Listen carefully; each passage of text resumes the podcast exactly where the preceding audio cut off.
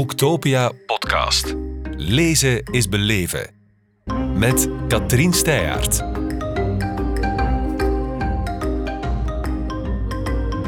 Welkom Anne van Pamel. Hallo, dag Katrien. Je bent uit Brugge gekomen. Je ja, bent inderdaad. schrijfcoach en het lijkt alsof je met je roman Dansen op vluchtige noten, uitgegeven bij Houtenkiet, een van die bekende deviezen in het vak gehuldigd hebt, namelijk schrijf over wat je kent. Is het, klopt dat? Um, uh, gedeeltelijk wel. Er was ook heel veel dat ik uh, helemaal niet kende. Ik ben helemaal niet thuis in de wereld van uh, de krankzinnigen. Daar heb ik mij dan moeten in inleven. Dus een aantal dingen waren wel helemaal nieuw voor mij. Ja, maar het is wel een, een roman gebaseerd op het levensverhaal van je oma en opa? Uh, gedeeltelijk wel, ja. Maar het is eigenlijk fictie hoor. Maar uh, een aantal dingen uh, zijn inderdaad gebaseerd op, op mijn opa en oma. En op welk aspect van hun leven? Kan je een beetje het, een, een, idee geven ook waar de plot zich situeert? Ja, dus um, mijn grootvader was een Antwerpenaar. Hij kwam uit een muzikale familie. Um, en toen de Eerste Wereldoorlog uitbrak, is hij gevlucht naar Nederland in eerste instantie. Wij vergeten dat vaak. We hebben nu ook een vluchtelingenproblematiek. Uh, als we over vluchtelingen nadenken, dan zien we Syriërs en Afghanen. Maar in de Eerste Wereldoorlog heeft Nederland, dat uh, neutraal gebleven is in die oorlog, heeft 1 miljoen Belgische vluchtelingen opgevangen. Mm -hmm. Mijn grootvader was daar dus één van. Achteraf, van, na verloop van tijd, is hij toch naar die oorlog getrokken. Maar hij heeft dus een aantal jaar in Nederland doorgebracht. En daar heeft hij mijn grootmoeder leren kennen, die een Nederlandse was.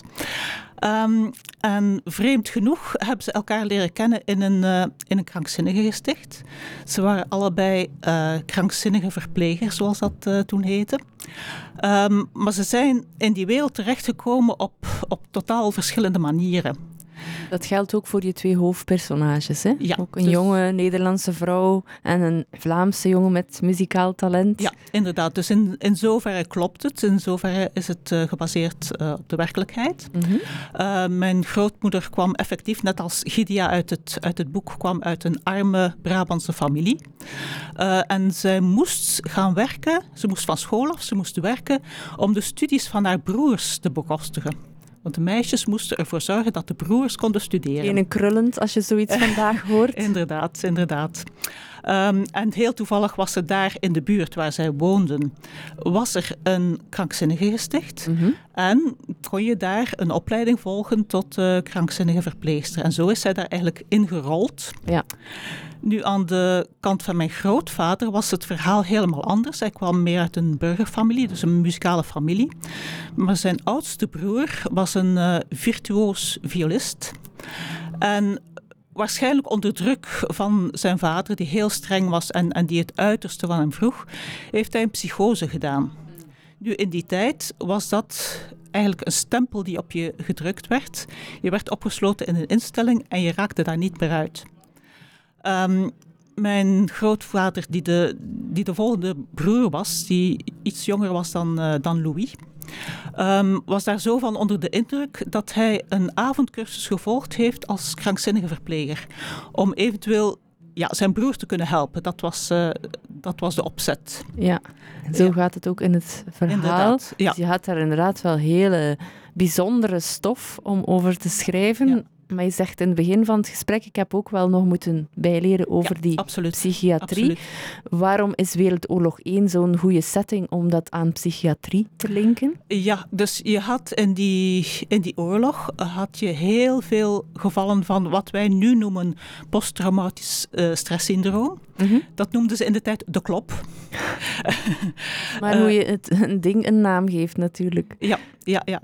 ja. En... Um, dus het was zijn bedoeling om toch soldaat te worden, maar uiteindelijk, omdat hij dat diploma had van krankzinnige verpleger, uh, kon hij ook als verpleger aan de slag.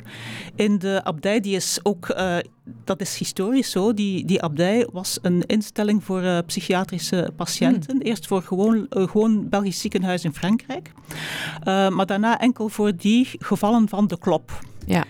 En zo is hij daar ook verpleger geworden. Dus in die zin ja. Maar het is wel waar dat de, wij noemen het nu uh, posttraumatisch stresssyndroom of shellshock. Ja. Nu hebben we heel veel kennis, maar toen... Ja, ja, ja, dat is een ongelooflijk verschil. Hè? Dus uh, het is in die zin ook wel interessant dat je in je roman terugblikt naar wat ja, in termen van de eeuwigheid niet zo lang geleden is en toch zo inderdaad, anders. Inderdaad, ja. Ben je daar zelf soms van geschrokken? Ik ben daar heel erg van geschrokken, ja. Um, ik heb er veel boeken over gelezen. Uh, vooral in Engeland bestaan daar veel boeken over, want... Uh, um, ja, de, de behandeling die zij dan voorzagen voor de gewone soldaten met uh, shellshock was eigenlijk wel verschrikkelijk. Mm -hmm.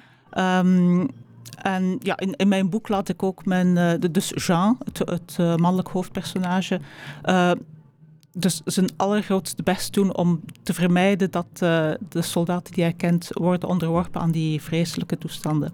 Ja, natuurlijk.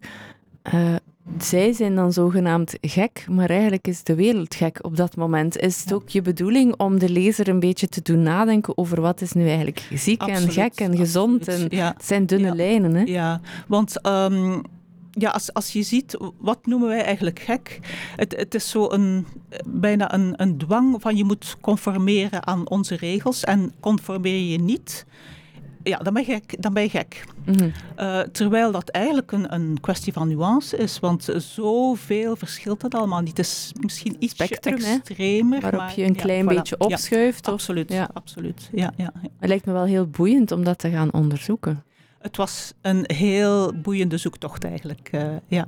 Ja, nog veel, ook veel bijgeleerd. Je zegt, ik heb veel ja, absoluut, gelezen. Absoluut, Werd het dan nooit te veel informatie? Want uiteindelijk moet je dat terugbrengen naar een behapbaar verhaal, een behapbare roman. Ja, ja. ik heb er ook heel lang over gedaan om daar een behapbaar verhaal van te maken. Dus, uh, maar goed, heel, de, ja, het, heel het proces van het schrijven, het, het, het onderzoeken, waren heel veel aspecten aan. Dus in, de research op zich was boeiend, maar ook ja, hoe, hoe trek je al die koortjes samen zodanig dat je toch tot een, uh, een consistent verhaal komt. En wat zijn daarin de sleutels?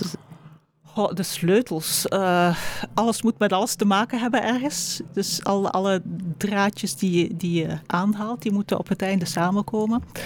Um, ja, dat is okay. de fameuze, hoe zeggen ze dat? De mus die niet van het dak mag vallen zonder reden. Ja, ja, ja, ja, ja. alles moet een functie hebben in het verhaal. Ja. Ja. ja.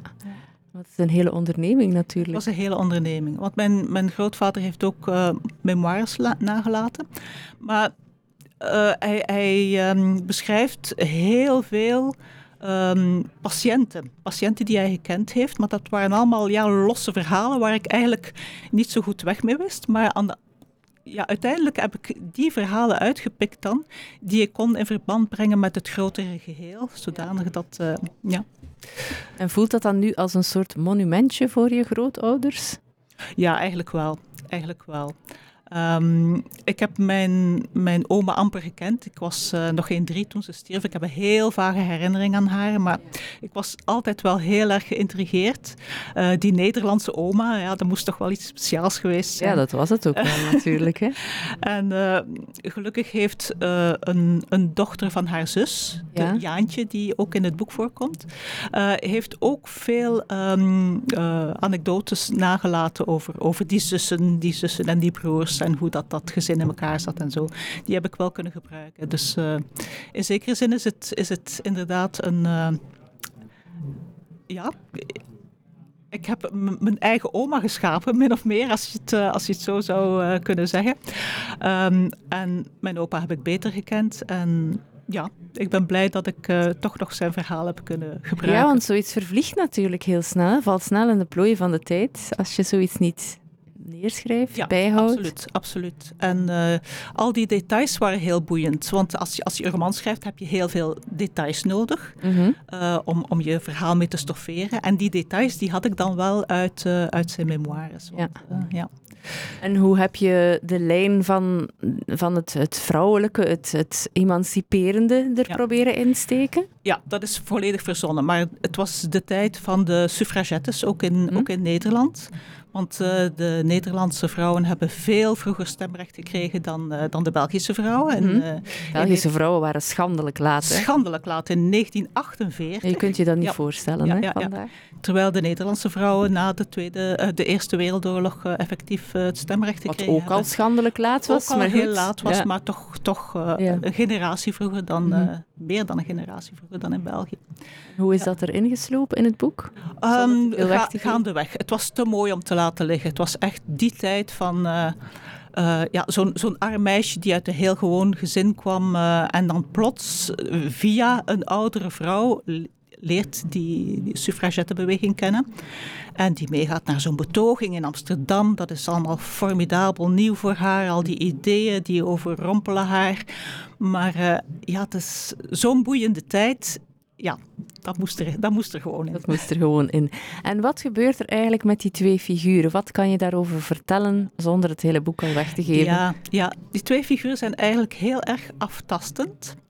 Um, want Jean, als hij in Nederland komt, um, wordt hij eigenlijk eerst verliefd op een ander meisje. Mm -hmm. Daar zit ook nog een, een hele moeilijke situatie aan vast, want hij is als Vlaming katholiek, zoals ze allemaal katholiek waren, zonder daar veel over na te denken. Mensen waren katholiek zoals ze blond waren of bruin. Um, maar dan komt hij in Nederland terecht uh, bij een familie die heel streng protestants is. Mm -hmm. En daar krijg je dan dat conflict van integratie. Hij doet daar een paar stommiteiten, onwetend. Ja. En um, goed, dan, dan heeft hij het zichzelf zodanig onmogelijk gemaakt bij die familie dat hij uiteindelijk dan vertrekt en Lydia leert kennen. Ja. En ja, Gidia is ook is, is eigenlijk nog vrij ondernemend mm -hmm. uh, op seksueel gebied. Zij ziet hem helemaal zitten. Maar hij is afwachtend en hij is ook van. Wij vergeten vaak, uh, ja, we weten wel in die tijd, meisjes moesten heel erg oppassen om niet zwanger te geraken. Ja, uiteraard. Maar ook jongens moesten heel erg oppassen om geen meisje zwanger te maken. Mm. Want dan moesten ze trouwen ja. en dan was het gedaan met, uh, ja, met dan het was je leven voorbij. Voilà, voilà, voilà. Ja. Dus uh, ook, ook Jean is heel erg afwachtend in die verhouding. En, uh, en voor ja. de rest moeten we gewoon het boek ja, lezen. Ja, Onze nieuwsgierigheid inderdaad, is alvast gewekt. Dankjewel voor de komst, Anne van Pamo. Graag gedaan. Boektopia podcast. Lezen is beleven. Beluister ook de andere podcasts live opgenomen op Boektopia 2022. Nu via je favoriete podcast-app.